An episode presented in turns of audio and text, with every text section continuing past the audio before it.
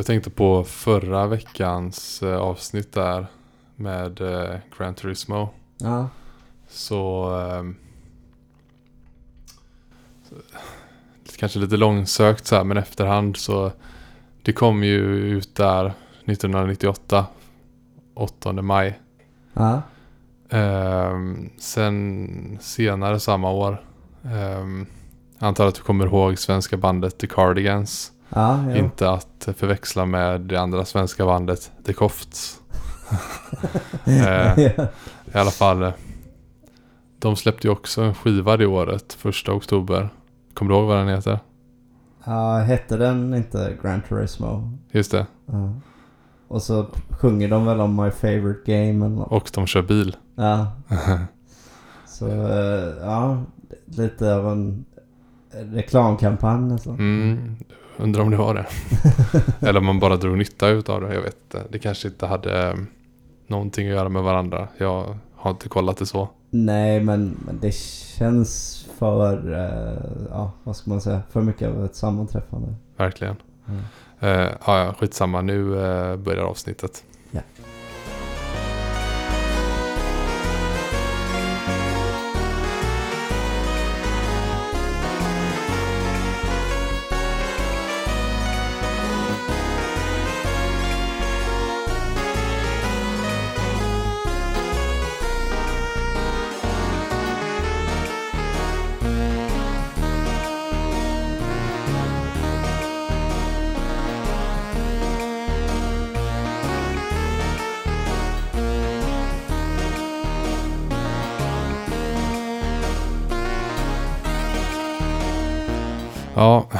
Hur som helst så eh, välkomna tillbaka till Minneskort. Det här är det sjätte avsnittet.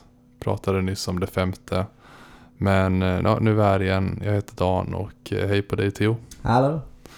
Så det har gått ett litet tag sedan vi satt här. Har, livet har kommit emellan som det heter. Ja, Vad, eh, vad har hänt sen, sen senast? eh, nu ska vi se. Jag har hunnit vara på, um, på min flickväns sommarställe nu i helgen. Träffa hennes familj. Mhm. Eh, och då var det då var det faktiskt lite spelande för en gångs skull. Okej, Eh, körde lite Super Mario Party. det senaste. Ja, det här nya till eh, Switch. De har... Eh, Vilket nummer är det i serien? blev något stil med den tolfte. Okej, Det kom Mario Party 10 och så finns Mario Party DS. Finns kanske ett par andra när jag tänker efter. Så det kan vara allt mellan 12, 13, 14 någonstans. oj. Men eh, ja, det, det gör en del saker väldigt bra tycker jag och andra saker mindre bra. Eh, det, de har gjort vissa saker som gör att det är, är mer värt att kämpa i alla de här minispelen då. Eh, för att förr fick alltid bara vinnaren pengar. Och nu får man även lite grann för att komma trea. Det är bara den som kommer sist som inte får något. Mm. Men andra grejer är lite väl eh, snälla mot de som det går dåligt för. Man, det kostar för lite att köpa föremål och stjärnor och sådär. Så att, ja, det är, det är som mycket annat liksom. Lite bra, lite dåligt. Har du kört något av dem? Ehm, senaste Mario Party var nog två eller tre. Ja, okej. Så, Så Nintendo 64-dagarna alltså. ja. Inte så mycket sedan dess. Då kan jag ju passa på att flika in att Mario Party 3 var det sista spelet som släpptes till Nintendo 64. Mhm. Ja, så då spelade jag konsolen till... Det bittra slutet. Ja. Ja. Eh, ja. ja, det ser man. Du Eh, då? Eh, ja, jag kan börja med mig själv så... Eh, Johan där, min kusin som var intervjuad i eh, Diddy Kong avsnittet för ett Ja. tag sedan. Han, eh, han har inspirerat mig lite genom åren med att eh, han, eh, han kör lite tema, tematik när han gör mediella saker. Typ läsa, eh, lyssna på musik eller se film eller spela spel. Att han, han brukar köra han exempelvis Mass Effect som jag vet att han har spelat. Då Ja. vill han även se på en rymdserie samtidigt. Han vill läsa en bok som utspelar sig i rymden Ja, men det... och sådär. Så jag kanske inte har följt riktigt det men jag gillar det har fått mig att ibland köra en, att jag periodar med olika saker. Exempelvis med musik nu. Så då tänkte jag att nu är det oktober och halloween och sådär. Finns ett metalband som heter Halloween. Men jag kände inte riktigt för att köra en period med dem. Även fast de har en del bra låtar. Kanske inte så mycket som att jag gillar album.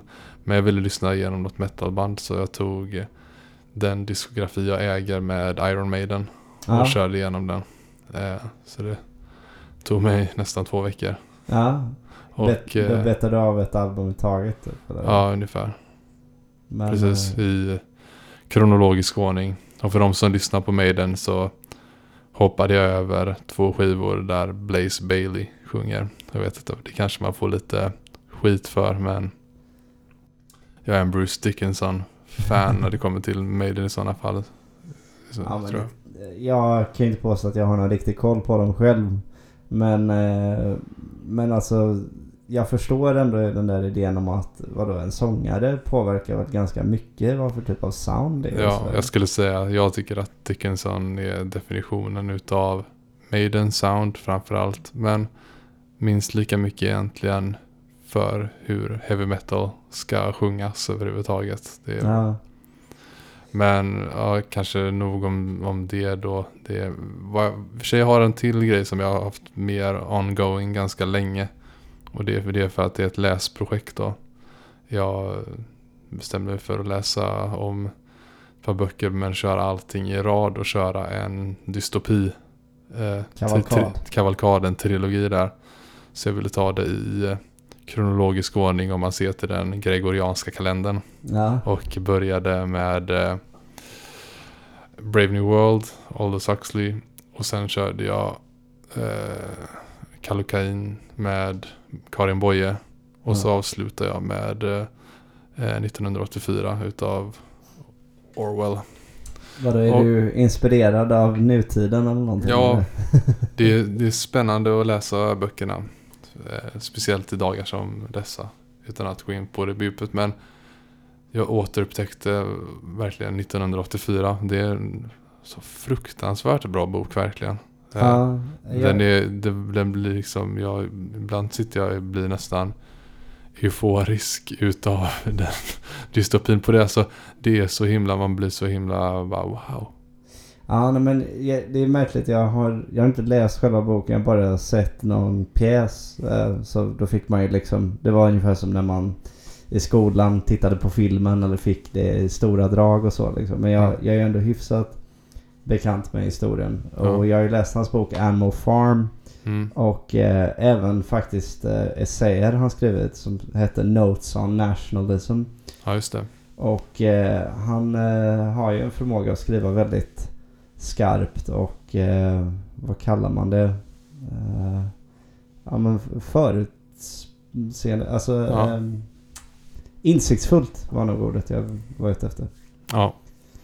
Ehm, Animal Farm är jättebra också. Ja, Eh, eh, men så det jag håller på precis nu och ska, så när jag kommer hem ikväll efter att ha varit här så kör jag nog sista klämmen utav 1984 tror jag.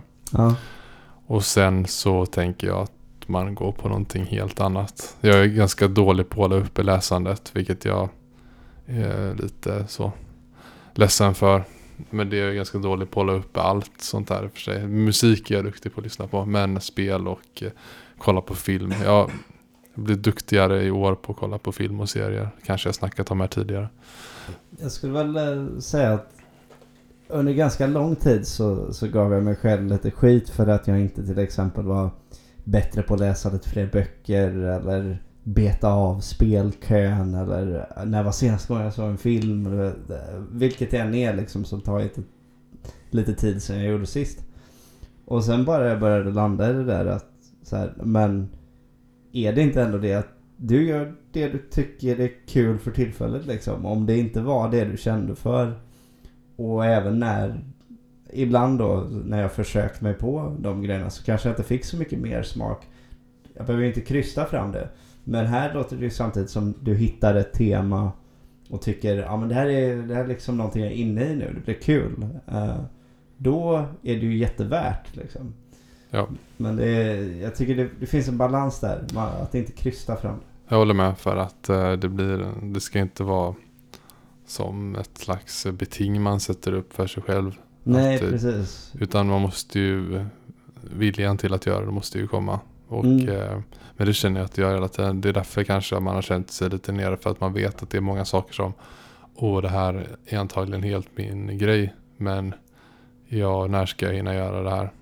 Ja, men det, det är sant. Det där kan ju vara desto mer frustrerande när man inser att ugh, bara för att det är en liten startsträcka att komma igång med det så, så har jag liksom nekat mig själv det här som jag kanske kommer få den där reaktionen du beskrev om 1984 att man blir så här wow vad, Mm. vad grymt men, det är. ja, konkret exempel, Mass Effect. Ja, Som jag vet du har spelat.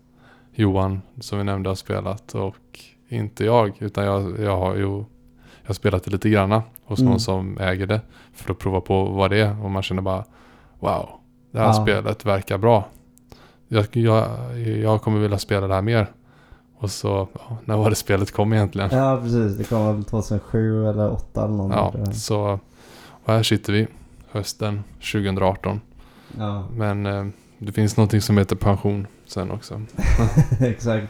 Nej, Mass Effect, ja det är ett speciellt spel. Är, worldbuilding är någonting som det pratas om ibland i sci-fi och fantasy. Och det är någonting som utmärker de här spelen som, som man verkligen, eller historierna man verkligen kan fastna för. Att man tänker, åh det här universumet är coolt. Jag vill spendera tid i den världen. Du vet, vad, alla Ja. pratar om drakarna och, och allting i Westeros, i Game of Thrones.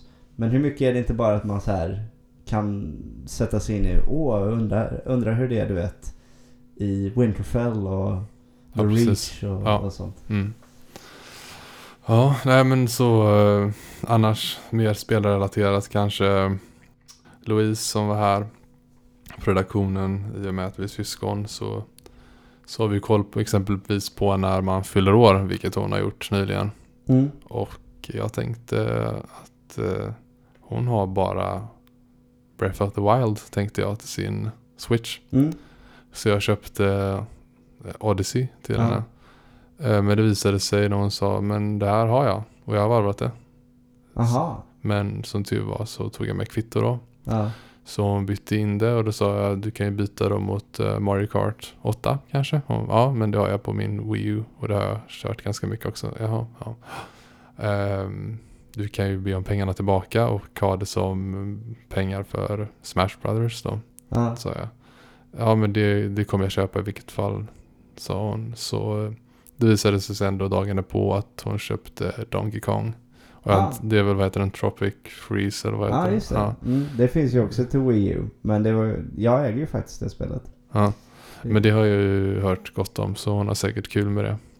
Ja, ja, det var ett av de senaste spelen eh, jag körde på riktigt liksom. Eh, stannade upp eh, mot slutet tyvärr. Vilket jag inte riktigt vet varför heller. Det, det var ett väldigt väldesignat plattformsspel och Mm. eh, hade det en del utmanande hemliga banor och sådär. Väldigt nice. Tropical Freeze. Ja, Okej, ja. Mm. ehm, så nej, men det ja, nej, men, ja, nej men så hon uh, Smash ska hon köpa också då. Mm. Vilket får mig att... Nu har du kört en del grejer på Switch. Ehm, Hur blir det med Switchen nu tror du? Alltså, jag får ju säga att en grej som jag inte är så imponerad av med Switch är att jag tycker inte att de här Joy-Con-kontrollerna är så jättesköna. De här, har du känt på de spakarna någonting? Jag har inte hållit i en Switch överhuvudtaget. Nej, för okej, så du kommer ihåg. Nintendo 64 hade ju den här liksom smala spaken som var som Ja. en pinne bara. Mm. Sen åtgärdade de det rejält med GameCube. Att det var liksom en väldigt robust, låg eh, sån. Mm. Eh, och sen för Wii U så, så körde de lite av ett mellanting och så. Ja. Ja. Men nu till Switch så har de liksom krympt hela den här eh, ytan som spaken rör sig i. Så det känns alltid som att du vill kunna ha lite mer manövreringsutrymme. Och så är det som... Kommer det ingen vart. Men om du kör det som stationär konsol? Kan du Ja. koppla på andra kontroller? Jo, det kan du va? Ja, jag kan använda Pro Controller Ja. och så. Men då är det en helt separat kontroll för det första. Som inte är så billig. Och för det andra så en av fördelarna med de här Joy-Cons är ju att eh, till exempel i Mario Party så, du kan, eh, ja, så kan du splitta upp den då och använda det som två minikontroller. Och, och det är ju lätt att gilla liksom. Det är ju bra initiativ. Men det är någonting som inte känns klockrent med den kontrollen i handen tycker jag. Just nu så lutar jag ändå åt att det antagligen blir en switch. Men ja, jag är lite kluven. Okej. Ja men det har varit lite nu inför att Smash ska komma, lite snack och så har man ju sett. Exempelvis jag som gillar musik då.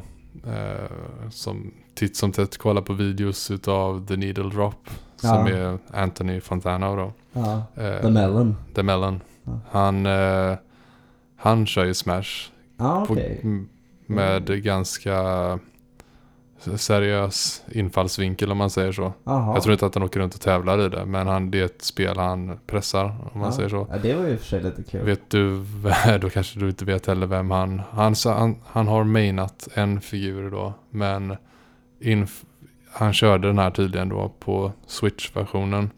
Och blev besviken. Nämligen. Pac-Man. Ah, okej. eh, ja, alltså i Wii U-versionen så är ju inte Pac-Man, eh, tycker jag, sådär jättetillfredsställande att köra. Det är någonting som inte riktigt passar min stil med honom. Men eh, ja, det är ju, han kanske inte är så stark nu i Switch-versionen heller.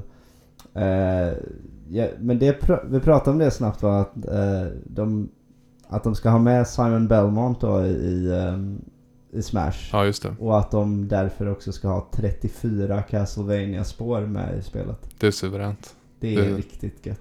Det kommer ju vara gött för mig oavsett om jag skulle ha det eller inte. För musiken kommer ju att finnas tillgänglig. Precis. Nej men eh, det vore en lögn att säga annat än att Alltså när jag tittar på soundtracket Det är ju en del av varför jag liksom tänker ah, men jag kommer kunna så här, spela, en, spela matcher och inte bry mig om vad som händer i själva striden. Bara sitta och lyssna liksom. Ja, Mega Man, Castlevania, Zelda, allting i samma spel liksom.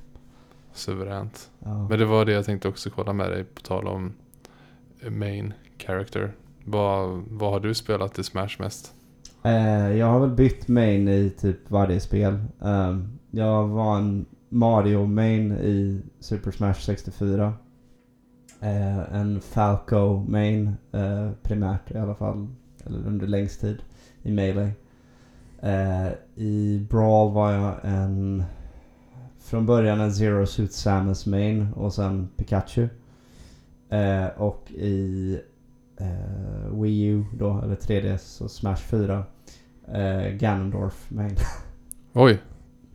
Men okej, först Mario, den första. Det tror jag var den jag spelade mest. Eh, för ja, det är de två första spelen jag spelat överhuvudtaget där. Ja, Och eh, ja, då spelade Mario för att han hade en bra B neråt attack tyckte jag. ja, ja, den var rolig. Han Ja. Mm. Samma sak med Link där kanske. Mm. Eh, och så höll det väl sig lite samma i Melee då. Att jag tog en figur jag gillade sedan tidigare. Mm. Men jag började utforska Samus då. Men där måste jag fråga dig, du säger Falco. Vad är skillnaden på Falco och Fox? Eh, ja, det, man tänker ju att, åh vadå, de har ju typ samma eh, rörelser och sådär. Men eh, det är väldigt många eh, subtila och tydliga skillnader i eh, hur de rör sig. Alltså, eh, Fox till exempel springer oerhört fort eh, på marken. Eh, medan Falco springer ganska långsamt. Eh, och hoppar istället väldigt högt jämfört med Fox. Ehm, Fox har en reflector, den här du vet, eh, skölden han får upp, blåa skölden som slår tillbaka projektiler. Ja. Den skickar ehm, fiender neråt i 45 graders vinkel, alltså snett neråt åt sidan. Medan Falcos skickar eh, fiender rakt upp. Så att Fox eh, kan få billiga knockouts med sin reflector och putta folk längs banan. Men Falco skapar kombos i luften med hjälp av, med hjälp av sin reflector. Så de, de bygger liksom sina combo games helt olika. Okej. Men det är också eh, kanske två av de mest populära. Ja, jo men det är det alltså om man ser till eh, folk som tävlar seriöst. Fox eh, har ju liksom länge betraktats som spelets bästa karaktär. Eh, och framförallt om man är riktigt duktig då. Falco eh, var mer populär förr. Nu slutar det väldigt ofta med att om folk vill stila bara så spelar de Falcon istället. Och vill de bara maxa hur bra det ska gå då spelar de Fox. Eh, en annan just det, viktig grej. Falcons laser eh, får ju, skjuts ju långsamt men sätter fiender i hitstun Ja. så att de inte kan röra sig. Eh, medan Fox kan peppra med lasern men det blir ingen hitstun så de har också helt olika eh, användningsområden. Okej. Mm. Och sen så helt annat i de senare då. Du slutar med Ganondorf. Ja, eh, och där var det väl... Alltså det har ju varit fler och fler karaktärer i varje spel. I det senaste så finns det ju 69 stycken eller något. Eller 70. Ja, hur som helst. Det är 65 kanske. Eh, men jag provade ju många olika och jag tyckte för all del om Zero Suit Samus även den här gången. Men grejen var att jag spelade en del med vänner som Särskilt när vi skulle spela fyra eller till och med sex, sju, åtta spelare ibland. Så kunde det bli det här att okej, jag har mest erfarenhet av spelet. Men jag spelar Ganondorf för han är lite långsam och antagligen inte så bra, du vet. Eh, men det roliga blir ju då att till sist när man kört honom ett par hundra matcher. Ja, då, är, då är jag ju riktigt bekväm med honom. Ja, just det. Så då blev han min main på lite konstig väg. Och han var rätt lik Captain Falcon också va? Ja, eh, han var en klon av Captain Falcon i Melee fast med liksom annan eh, hastighet och tyngd och sådär. Men, men med tiden så har de liksom försökt differentiera honom lite grann i alla fall. Han, hans attacker ser inte precis likadana ut längre. Okej. Eh, så ja, hans, eh, hans signaturgrej är en, eh, är en rörelse där han dyker fram eh, mot motståndaren. Plockar upp dem och stryper dem ungefär. Gör man det på banan så kan man följa upp det med en kombo. Men gör man det utanför banan då hugger man dem och liksom drar ner dem i, ett, i styppet. Eller ner, ner för, utanför banan då. Och det bästa med det här är att om man är på sista livet så håller Ganondorf motståndaren under sig så han dör sist. Ah, ja, just det. Oj, kan- vilket eh, sätt att avsluta matchen på. Ja, alltså helt underbart för det är flera gånger jag har legat långt efter då. Du vet, i Smash har man ju procent. Ja. Eh, och mot en av mina bästa vänner då som älskar Smash så var det ofta så liksom jag hade 130% och han har bara 14%. Och så ser jag min öppning, ah, han är på kanten av banan, jag tar honom! Och, och så, han blev ju förbannad varje gång. Grymt. Riktigt lamt. I följetongen topplistor så har vi kommit till plats fem utav de bästa konsolerna genom tiderna enligt mig och Theo. Så vi är alltså halvvägs nu, har gått. Och nu börjar topphalvan utav den här listan kan man säga. Eh, ja, du kan börja. Vad har du för konsol att prata om idag? Ja, på femte plats eh, kommer Nintendo DS. Alltså inte 3DS då, utan den här första DS som kom. Eh, och ja, jag, jag hade, när jag gjorde listan så, så var jag liksom väldigt nöjd med det här valet och allting. Men jag tittade tillbaka på liksom fler spel nu som jag tyckte om för jag har ett väldigt positivt minne av det. Och så märkte jag att konsolen kanske jag vet inte, du pratade väl om det lite med var det Master System så här att man kan ha en bild i huvudet av den här hade jag väldigt mycket kul med. Men sen när man ska, du vet, räkna upp alla spel man älskade så kanske de inte blev riktigt så många som man tänkte. Precis så. Ehm, men ja, det, det som är grejen för mig med DS är att de senaste 15 åren, så andra halvan av mitt liv hittills, så har jag verkligen rört mig väldigt mycket mer åt bärbart. För det är det här att någonstans, ja, med start runt Game Boy Advance men framförallt eh, sen när DS kom så blev grafiken liksom en ny nivå. Att Visst, det var inte fantastiskt men det var ändå kanske runt Nintendo 64 nivå. Och det kändes mer som att hålla en, en riktig konsol i handen. Ja, vi pratade ju nyss om Switch och man kan se de här PSP, eller vad heter de, PS Vita och Ja. så vidare. Exakt. Att det, det blev liksom det här, ja men du kan ha spel som inte behöver kompromissa så mycket med kvaliteten. Eh, och, och spela dem var du vill. Eh, så att jag kände det med det. Så att det liksom... Att kunna spela spel som Phantom Hourglass och Spirit Tracks. Två Zelda-spel som jag faktiskt tyckte väldigt mycket om. Eh, trots att de hade lite speciella gimmicks. Eh, alla de här Castlevania-spelen som kom också. De som kallas för Metroidvanias.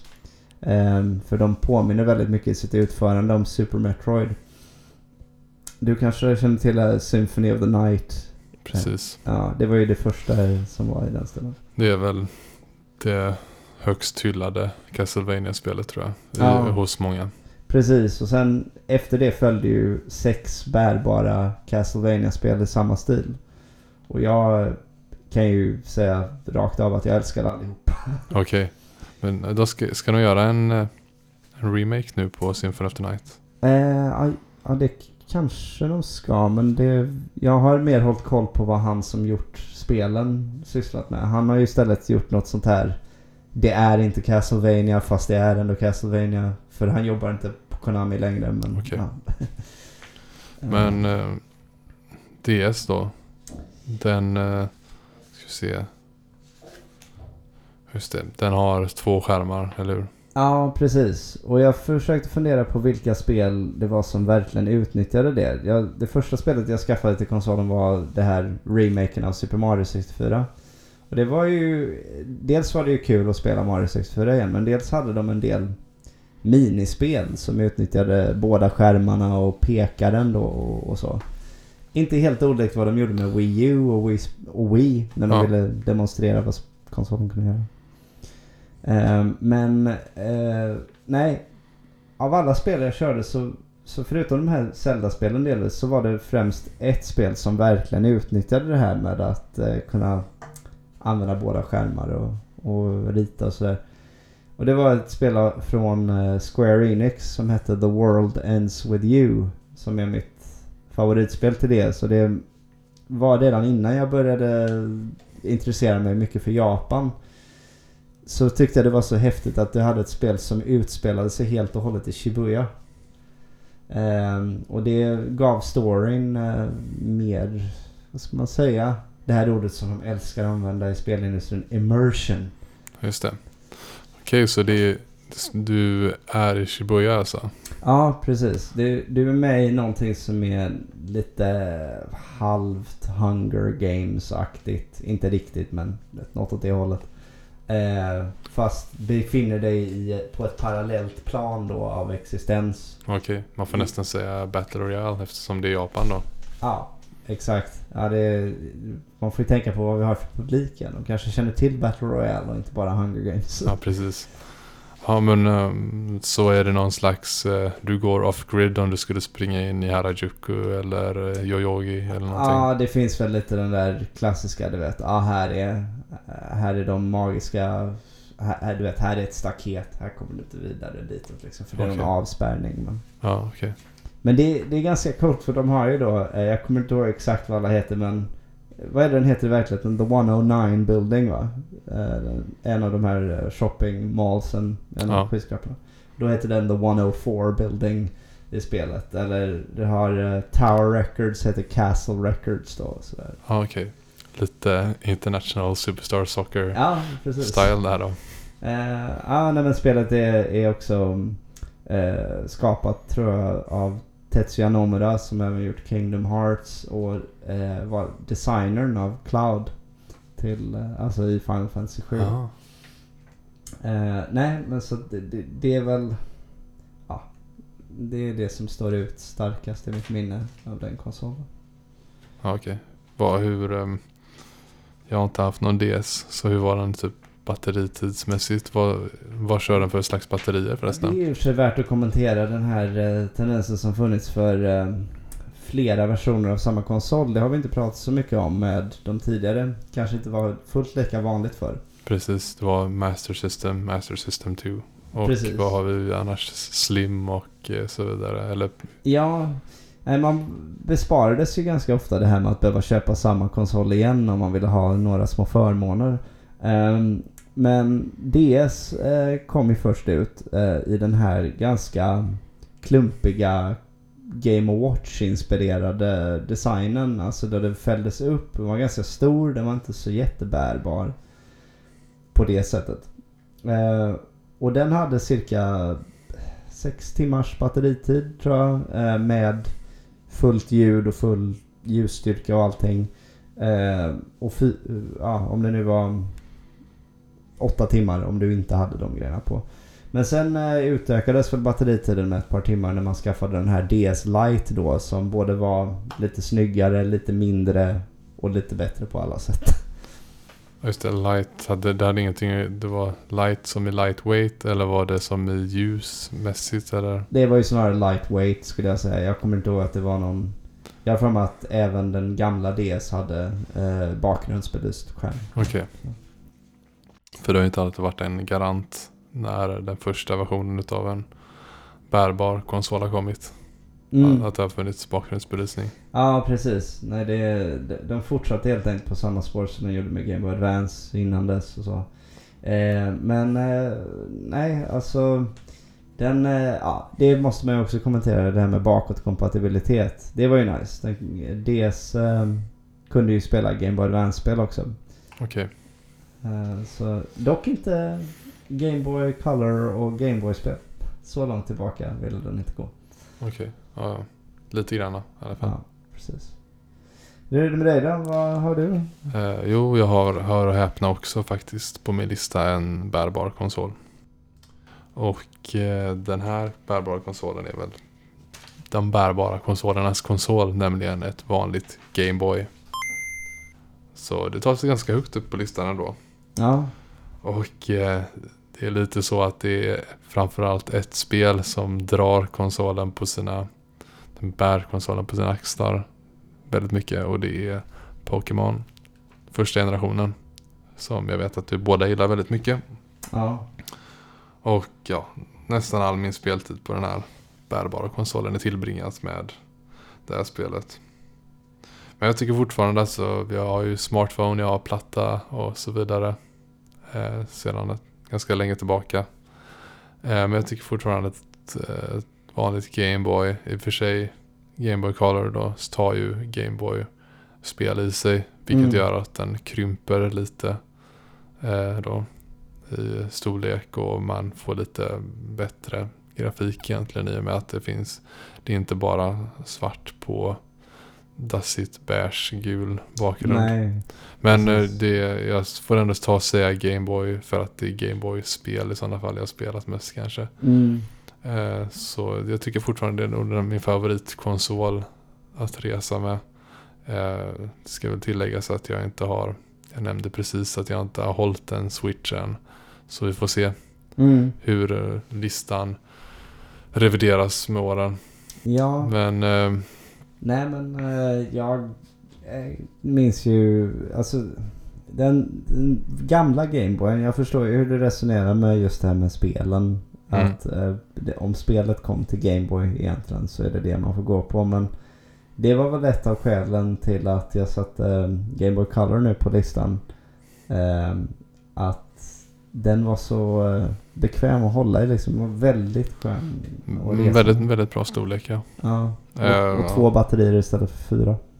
Ja just det, det med. Och de håller väldigt länge. Ja, det måste jag säga. Så ja, det blir väl, jag säger Gameboy, men den får väl lite stödhjul utav sina, sin eftergångare där på något sätt. Mm. Ja, Eh, men, Poc- Pocket fanns också där ett tag. ja. Och där var det ännu mindre batteri tror jag. Ja. Och bättre belysning av skärmen tror jag. Mm. Men eh, ja, nå- någonting annat som man kanske glömmer tycker jag. Jag vet att du inte gör det. Men eh, du är högst medveten om det. För vi har snackat om det många gånger. Men något som jag tror många inte tänker på med just eh, Gameboy då är ljudåtergivningen och musik, soundtracks till spelen Ja. är fantastiskt bra tycker jag. ja. Det är ju... Det Det, är superminimalistiskt blir det, men det blir jättebra. Det är ju någonting jag lär prata om någon gång i framtiden. eh, Just musiken till Pokémon. Eh, som jag verkligen älskar. Men, eh, men jag tänker även på vissa sådana här som Tetris. Visst, det är ju ganska klassiska musikstycken, ett par av dem. Om inte alla tre huvudteman. Men just därför är det nästan ännu mer imponerande att man kan ta någonting som är ett Bach-stycke och ändå göra något minimalistiskt väldigt nice av det. Verkligen. Och Tetris där som exempel. Det låter inte bättre än vad det gör på Gameboy någonstans tycker jag. Nej. Och då är det ändå så här. Det är ju ett, något stycke som har remixats många gånger. Precis som med Pokémon Ja, tema, teman. Och jag menar, jag tror det var DreamHack. Och det var Winter eller någonting i många år. Öppnade upp med Tetris Theme Song ja, i remix av, vad är det de heter? 2PM eller någonting. Alltså en, en mer transig version av den. Som öppnade upp hallen där man satt och lanade i då. mm, Och det blir ju någon tradition som på något sätt blir mäktigt. Och det är en cool eh, mix så. Men inget står sig mot originalet för Nej. att det har Gameboy ljudchippet. Och det är suveränt. ja. Nej, och, och jag kommer inte ihåg. Vi kanske, kanske gled in på det någon annan gång. Det minns jag inte. Men, men Donkey Kong Land 3 är ju ett annat sånt där spel som är, står ut i mitt minne. För att Donkey Kong Country 3 har ju i princip samma soundtrack fast på ett SNES då istället. För ett Gameboy. Och ja, för mig är inte låtarna minnesvärda alls i SNES-versionen. Men i Donkey Kong Land 3 så har de liksom en... Alltså en tilltalande... Det, det är någonting med att det inte låter så över... eh, crowded. Så. Ja, okej. Eh, och det är mycket det jag gillar med, med Pokémon-soundtracket också. Det inte är en massa så här överflödiga trumljud och sånt. Ja, ja men. Ja, det, finns det någon annan så här som är typisk Gameboy? Zelda 4, Link's Awakening var ett Gameboy-spel. Ja. Warrior Land. Jo, alltså Pokémon i all ära, men det kommer många andra bra titlar också. Mm. Med bra musik där som nämnt. Ehm, Ja, just det. Jag, ja. här kör. Jag upptäckte ju att det fanns två Castlevania-spel till första Gameboy. Och alla recensioner och allt vad jag har sett av dem ser ju ut som riktigt tråkiga, kastdesignade spel. Och så har de sådana här låtar till första banorna. Som bara får en att tänka, hur orkade någon producera det här mästerverket till det här skitspelet? ja, de här... eh, Battle of the Holy och New Messiah heter de. eh, De här som jag tycker är otroligt bra. Ja, de, de håller väldigt hög klass i genomsnitt, de soundtracken. Ja. Ja, så plats fem avbetad. Nu Ja. börjar det närma sig. Ja, Plats fyra nästa gång. Och sen är vi inne på brons. precis. Får se hur det går. Ja. Då äntligen har det blivit dags för det här avsnittets recension. Och eh, som vanligt så brukar vi bara ge lite små ledtrådar, detaljer på vad det kan vara för spel innan vi säger direkt vad det är. Och den här gången är det ett spel som utkom den 1 mars 1997 vilket gjorde den till ett utav tre release-spel till sin generations konsol. Det här spelets story utspelar sig vid sidan av, eller ska jag säga i skuggan av en, ett universum i en mycket mer välkänd värld om man säger så.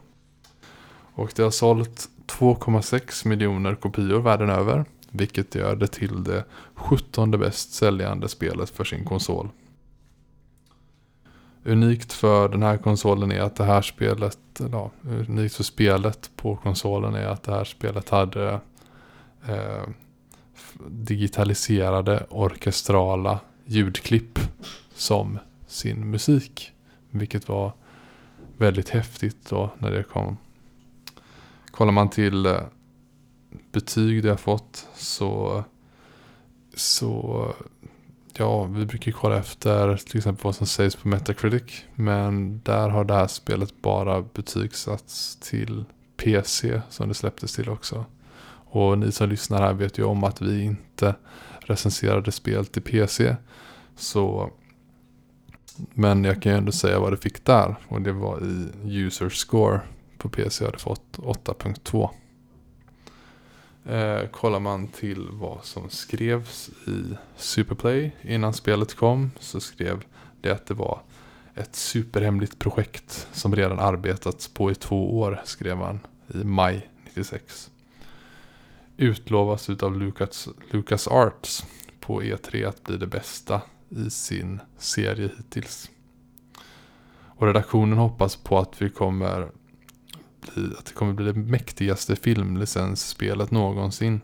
Spelet är ett grafiskt mästerverk.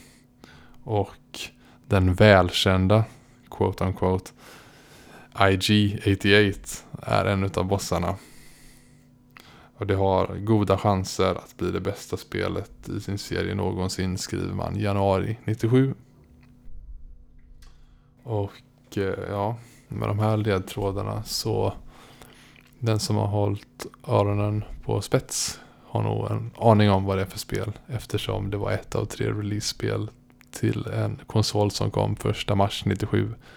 Vilket var Nintendo 64. Det har vi ju gått igenom tidigare med Super Mario där. Så vilket var de andra två? Jo, ett av de andra två var nämligen Star Wars Shadows of the Empire.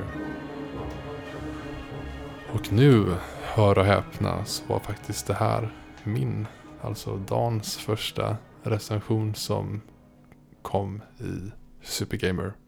Så jag ska ta och läsa en recension här som jag har skrivit. Så håll till godo.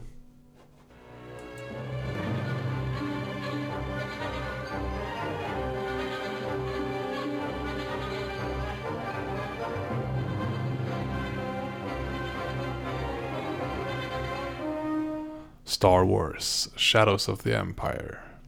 Den eviga sagan fortsätter. Det här spelet utspelar sig efter Star Wars-filmen. En ung prins, Caesar, har kommit till galaxen och planerar att ta över den. En annan ung man vid namn Dash Rendar ska stoppa honom. Hela galaxen hejar på honom, till och med Luke, Solo, Leia Chewbacca och R2D2. Dash får färdas genom landskap via antingen på fri fot, rymdskepp eller luftmoped. Alla domma karaktärerna är tagna ur filmerna fast i en helt annan story. Jag är inte riktigt säker på hur många banor men jag tror på Martin att det är tio. Jag bryr mig aldrig om att räkna. Det här spelet är dubbelt så bra som Goldeneye och Turok tillsammans. Tycker jag. PS, ingen annan. DS. som sagt, vad var jag nu? Jo, jag skrev om Star Wars. Nu minns jag. Vi på Supergamer tycker att Star Wars Shadows of the Empire förtjänar mycket i betyg. Och det totala betyget ska jag säga snart. Men först då och det fick utmaning 90. Lagom svårt. Grafik 95. Önske grafiken för ett äventyr.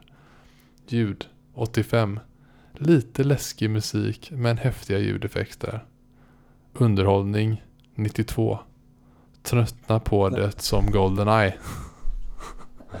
Och totalt 94. Ett äventyr utan slut. Det var min recension. Vi ska strax eh, eh, ha en genomgång av det i en retrospekt här. Men vi ska bara även ta då vad Superplay skrev i sin recension. De skriver att Lucas Arts Shadows of the Empire är en mäktig uppvisning i genuint Star Wars-manér. Spelet är inte bara en liten bricka i en enorm marknadsföringshistoria som byggt upp runt Star Wars-konceptet utan en helt enkelt fruktansvärt bra spel. Till och med det bästa som någonsin gjorts på det populära temat. Därför ger man spelet i grafik 91, underbar grafik med en enorm detaljrikedom från första stjärnkryssare till minsta sten. Största stjärnkryssare ska det stå där. Ljud 94. Precis som i filmerna, blunda och njut. Spelbarhet 86. Mycket smidig och bekväm styrning. Dock inte lika perfekt som i Super Mario 64. Utmaning 91. Fyra olika svårighetsgrader samt tio enormt varierande banor är inte fy skam.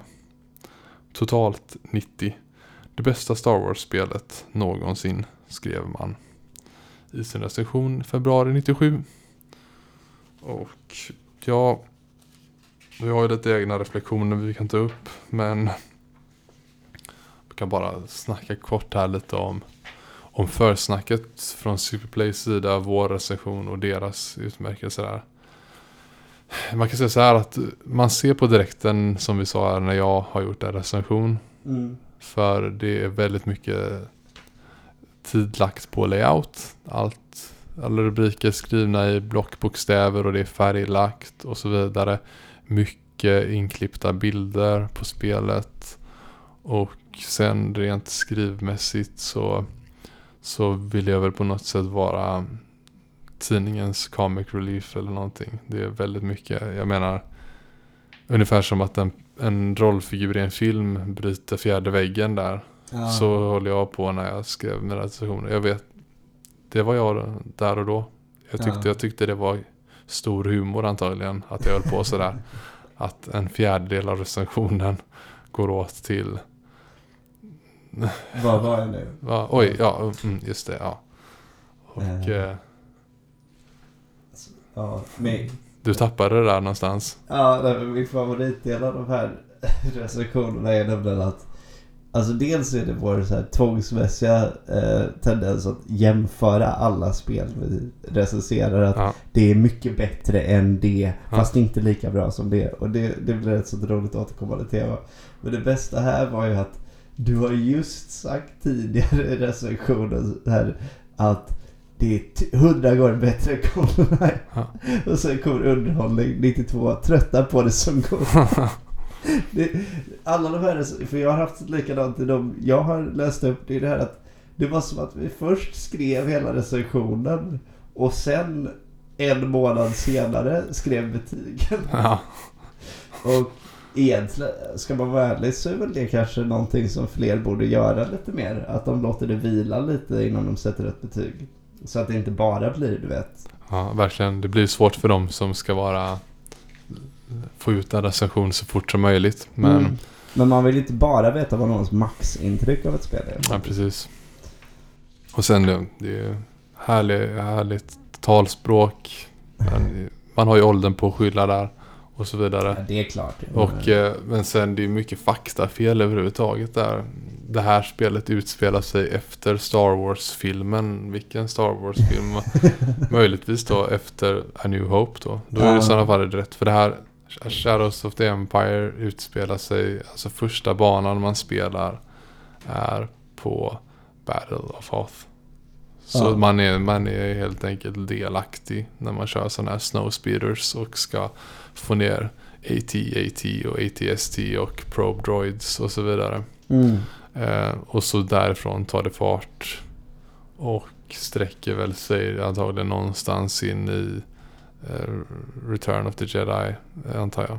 Ja. Det, är ju, det, är ju, det här spelet slutar ju under den gamla trilogin om man säger så. ja. Ja, vi kan återkomma till det. Um,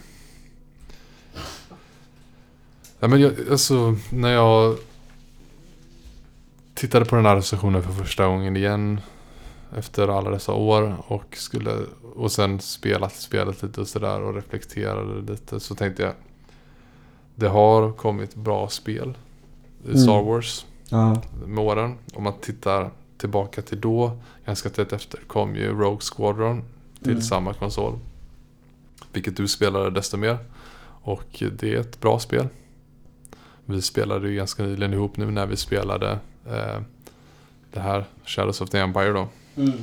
Och eh, ja, summa summarum där blir ju ändå på något sätt att jag har spelat där väldigt mycket mer än Rogue Squadron. Så det här blir ju på något sätt det bästa Star Wars-spelet för mig från den generationen.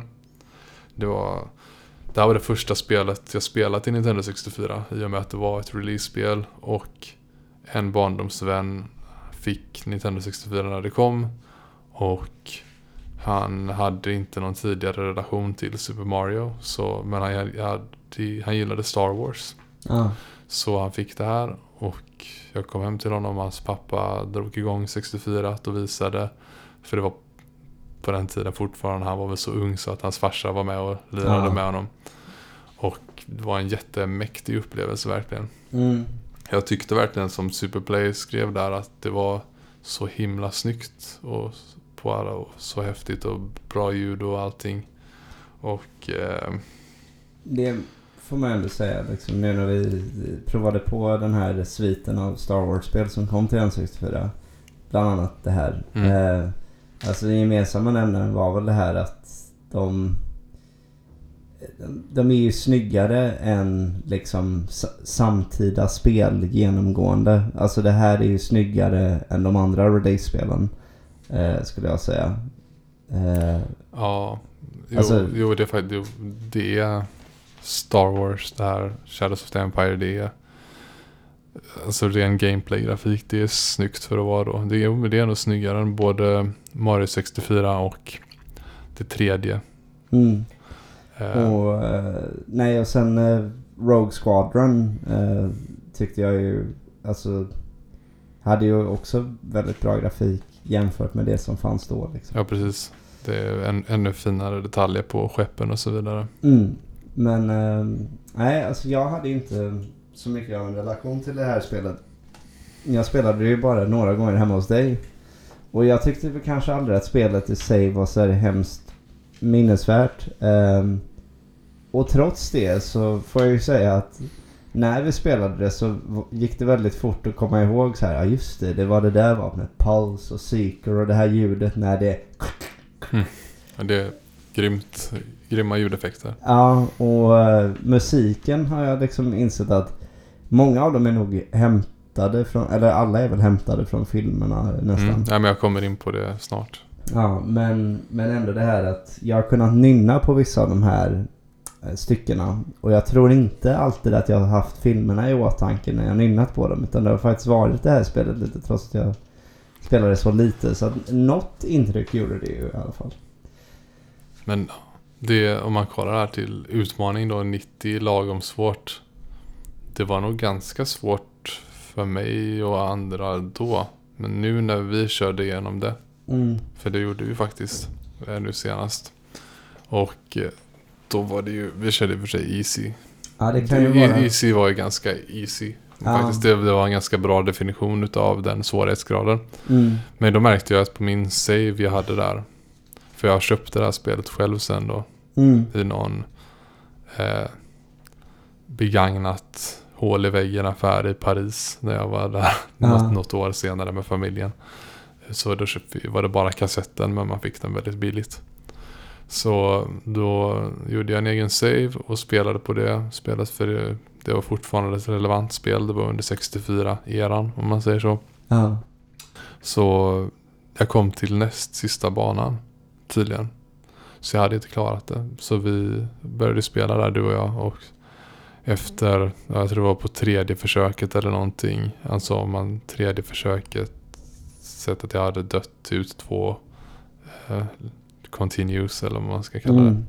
Så på tredje försöket då klarade jag sista bossen där på den nionde banan då. Ja. För att nionde banan är sista banan man spelar som Dash i, i tredje persons perspektiv och springer runt med honom som karaktär. Och där är det intressant att Superplay tyckte det var suverän kontroll. Och det tycker jag inte alls att det var. Det var det är en ganska svår kontroll som man lär sig att man lär sig, okej det är så här den, den funkar, den borde funka bättre men nu funkar den så här. Okej, då får, då får jag leva med den här begränsningen. Precis. Nej, alltså jag skulle säga att mitt intryck av spelet nu var att ja, mycket står ju sig bra. Men det så, alltså spelet fallerar rakt av eh, där tycker jag. Alltså sett i styrningen att det är tvärt emot vad Superplay sa. Det är inte särskilt bekvämt att styra Dash. Nej. Och då kan man ju se motsvarande Mario som kom då. Där han är väldigt enkel. Ja. Och kan inte bli bättre styrd egentligen. Nej, men jag såg ju till exempel att ja, innan någon sitter här, där hemma och säger Vilken noob, blev han ägd av bossen massa gånger och sådär. Jag såg ju liksom frustrationen i att Men han, han gör ju inte det jag vill Ja, liksom. precis. Och eh, ja men så den bossen, The Gladiator eller någonting heter den då. Som var en stor robot i tre faser som man sköt ihjäl. Eh, efter den då så var det ju en bana i rymden som blev väldigt så antiklimaktiskt på något sätt. För att det är ju så Först styr man bara en kanon på sin Millennium Falcon-aktiga skepp man åker med då. Ja. Medan ens eh, hjälpdroid eh, kör skeppet. Eller mer eller mindre bara ligger i omlopp på, Ja. på någon slags eh, eh, rymdbasliknande grej. Och så sen i del två så får man styra och skjuta. Och då gör man egentligen avslutningen utav A New Hope eller eh, The Force Awakens avslutet där du ska in. Nej, vänta lite. Det är, Ja. eller det är i The Phantom Menace så ska The Phantom Menace. Anakin göra Ja, det. och, och i... Jo men det blir i New Hope så ska man ju skjuta genom Ja. det där arkitektoniska medvetna felet som man får Ja. reda på i Rogue One då. Ja. Och eh, sen i eh, Return of the Jedi då är det ju också skjuta sönder en sak inne i dödsstjärnan som håller på att byggas.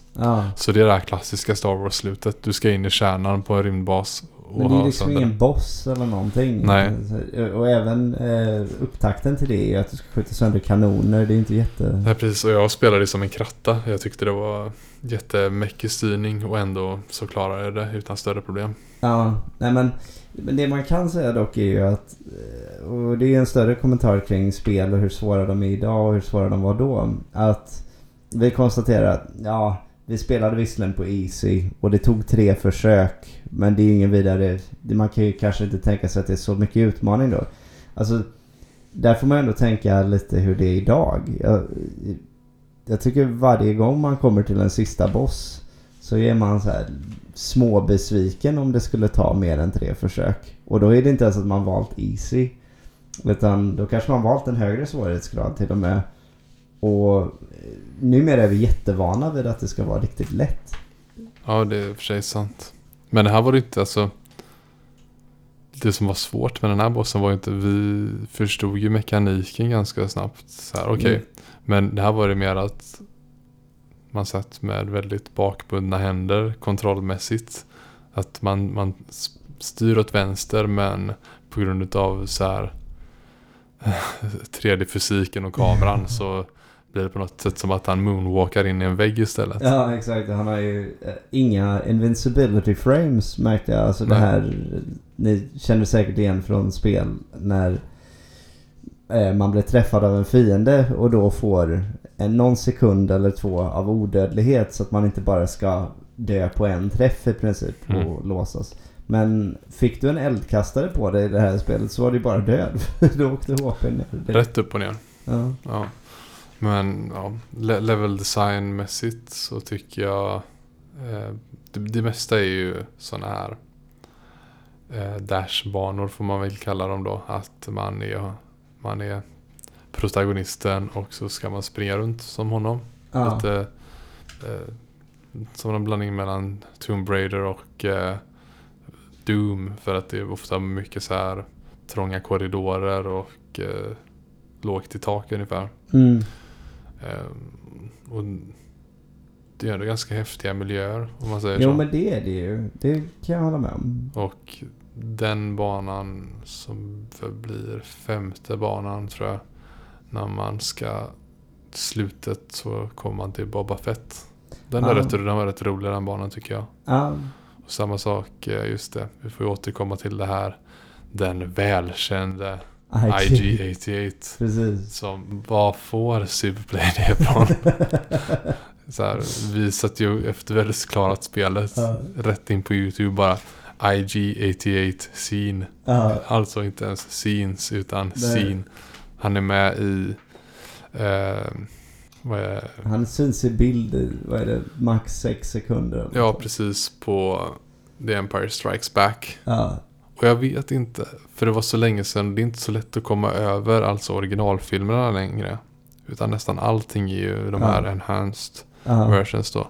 Men jag tror att det är först då han faktiskt är med och hela den här Bounty Hunter-scenen då som det kallas. För det är ju inte IG-88s scen utan det är The Bounty Hunters som är på någon eh, stjärnkryssare antar jag då. ja, Och eh, Vader står och snackar med dem att den som fångar Solo fångar honom levande för la la la och så vidare. ja, Och eh, då är det, det är först och främst Boba Fett som är center of the attention där. ja. Och sen finns det några andra Bounty Hunters som, där, som gör lite ljud ifrån sig allting. Men IG-88 som är en, en, en robot Ja. med blinkande dioder står ju och smälter in i instrumentpanelerna. Ja, ja, det är Det tänker på. Man, man, har, man skulle aldrig förstå att han finns om det inte är för att oh, du är ju bossen på fjärde banan. Precis. Ord Mantle i uh, Shadows of the Empire. Nej, exakt. Men, ehm, men sen, något som är lite roligt är att eh, hela alltet får jag ju säga samtidigt. Alltså det är ju kul. Eh, du pratade lite om det att storyn eh, till spelet känns som att det hade mycket väl kunnat bygga en sån här ehm, Alltså nu, nu har de ju börjat komma med de här Rogue One och Solo, A Star Wars Story. Och det här hade ju absolut kunnat vara lite av en sån. Verkligen. Alltså, Eh, För man får lite känslan av att de inte riktigt fick, du vet, eh, nycklarna till, till Luke och Han Solo och alla de finaste karaktärerna liksom. För att Dash Rendar känns väldigt mycket som någon sorts budget Han Solo tycker jag. mm, ja, men, ja, precis. Han känns lite som eh, en blandning mellan Clint Eastwood och trummisen i Bo Kaspers orkester, tycker jag. det är, eh, han... Eh, han, du, har det en tydlig bild här. Ja. Ja, nej men han är en, en stilig man helt enkelt. Men han är ganska hård och väderbiten. Mm. Och så har han det här skeppet som du nämnde, The Outrider som är som en Ja. Millennium Falcon. Ja, Han har, har några riktigt fruktansvärda kläder på sig. ja typiskt eh, Bounty Hunter fashion Ja, i eh, Star Wars-anda. Med eh, spandexbyxor som hälften är täckande och innan låren är någon slags nät. Eller vad man ska säga. ja. Det ser nästan lite burleskt ut. Och så har han någon slags eh, vad heter det? Magtröja armor på sig. Eh, och eh, ganska flott hår. Förresten på tal om det, vad tyckte du om eh, Solo? Jag såg den här dagen.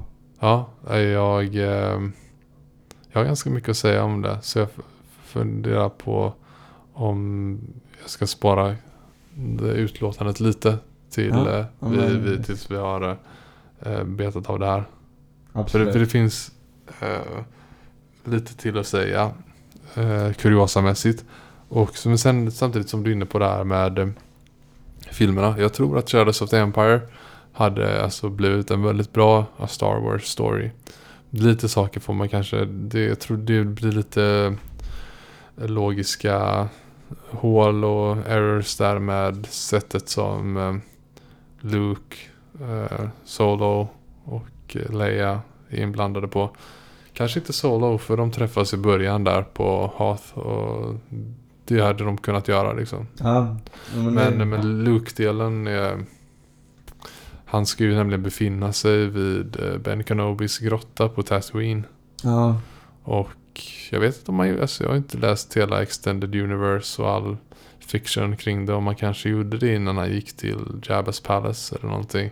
ja. För det är ju en av banorna där då på Tatooine när man kör ifrån eh, Just Mos Eisley till eh, Ben Kenobi. Och man ska köra ihjäl andra speed racers innan Ja. de hinner fram till Luke.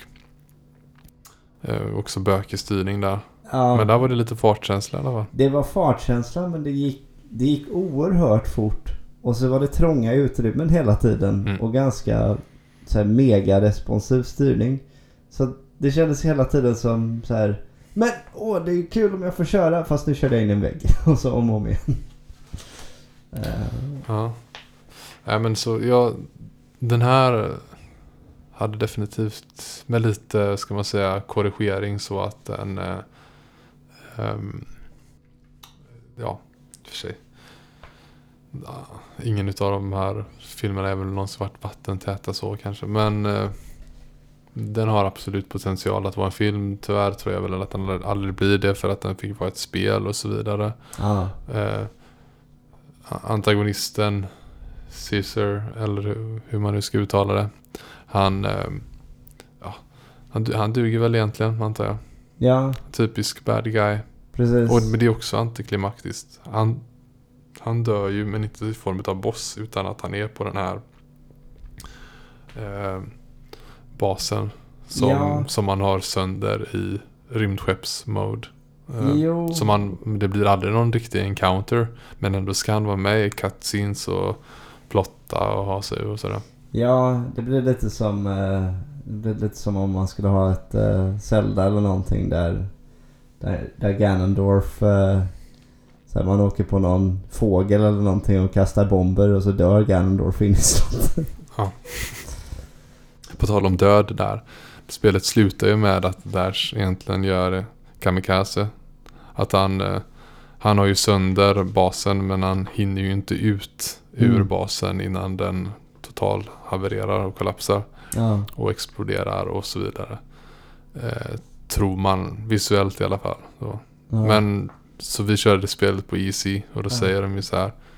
Vad hände med Dash? Dog han? För att det kommer ju en cutscene när Luke och Leia sörjer honom. Typ Ja. bara synd att han dog. Eh, så här, vill ni veta vad som hände med Dash?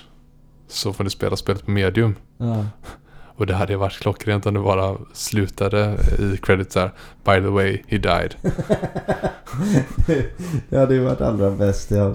Tyvärr verkade de fega ur på det. Ja, han, Dash och hans robot överlever. Men har någon slags, Dash har någon slags eh, teori om att eh, är det inte bättre att uh, låtsas som att jag faktiskt är död? Mm. Ganska nice att vara martyr utan att behöva dö tror jag han säger. Ungefär ja. Så, så slutade det i alla fall. Eh, det var ju då Lucas Arts som gjorde det här spelet och eh, som senare släpptes Rogue, Squad- Rogue Squadron som inte var en uppföljare men utspelar sig också ungefär Mm. när det här spelet utspelar sig och på Nintendo 64 då. Det kom ju senare ett till GameCube också. Rogue Leader eller någonting, jag vet inte, jag har inte spelat det. Mm. Jo men så tror jag. Menar, LucasArts är ju annars främst kända för sina pusselspel. Du vet de här Monkey Island, Full Throttle, Sam Max, Day After Tentacle och Mm. Grim Fandango som har superstatus. Ja. Eh, men eh, de gjorde även de här spelen då för Star Wars. Ja. Och eh, directorn för det här spelet hette Mark Hay Hutchinson. Och har tidigare gjort ett spel som jag gillar. Till Super Nintendo som heter Zombies Ate My Neighbors. Jaha. Ett top-down spel. Eh, I rolig eh, comic book style anda. Mm. Eh, och sen även ett par andra Star Wars-spel. Och det var väl därför han fick göra det här då. Ja. Sen var han även inblandad i Metroid Prime-serien. Och utvecklade kamerasystemet av alla saker. Okej. Så du har ju spelat Metroid Prime. Mm. Det är bättre kamera i det spelet än Shadows of the Empire. Ja. Så Ja. han lärde sig väl en del där då kanske. ja. Men det får man ju säga. Tyvärr så blev han bara 40 år. Han eh, gick bort i cancer 2008. Oj. Tyvärr. Ja, det var ju en downer. Mm. Men ja, vad ska man säga? On a brighter note då. Jag pratade ju om eh, Dash Renders utseende. Mm. För en av designersarna då. John Knowles. Som har varit med och gjort flera Star Wars-spel under 90-talet. Är även upphov till Dash Renders utseende. Okej. Eh, Det här syns faktiskt kanske som bäst i Customizable Card Game. Som finns då. Där Dash är en, ett kort. Jaha. en hero på ett kort. Då. Där s- ser man likheterna lite bättre. Okej. Ah, ja. eh, Men eh, vi gillar ju att nörda om musik och när man pratar om Star Wars då vet ju alla att det är John Williams som har gjort musiken. Alla älskar John Williams för alla har sett Star Wars eller Indiana Jones eller E.T. Jurassic Park, Schindler's List, Saving Private Ryan, Jaws eller Harry Potter. Mm. Det, Ja, det, är, alltså, det är ju enligt Han- många kompositörernas kompositör inom film. Då. Jo, ja, och den Family Guy drog ju en rolig parodi på det där en gång. Jag vet inte om du minns. De, har ju en sån här... Det ska vara en sån här pri, prisgala för porrfilm och så är det att det, två av dem har sån här lounge groove eller någonting bara generiskt. Och så är även John Williams nominerad då med någon form av dun dun dun Star Wars-aktig musik. Mm. Det är ganska kul tycker jag. Svårt att föreställa mig att det skulle passa till någon Nej, ja. den typen av film. Men eh, det är ju inte han som har gjort musiken i, ska man säga, slut eh, om arrangemanget om man säger så till det här. Det är ju hans musikstycken i grund och botten som finns i filmerna. Men sen har då kompositören Joel McNeely som har gjort musik till egentligen mer filmer och serier innan. Det är Jungle Book 2, Mulan 2, American Dad och The Orville. Så lite mer barn och familjegrejer har han gjort eh, senare. Och eh, han har eh, fått den här musiken och som jag nämnde där under teasern så har han då digitaliserat orkestrala klipp. Så han har på något sätt komprimerat de klassiska soundtrackstycken eh, till att kunna bli spelmusik.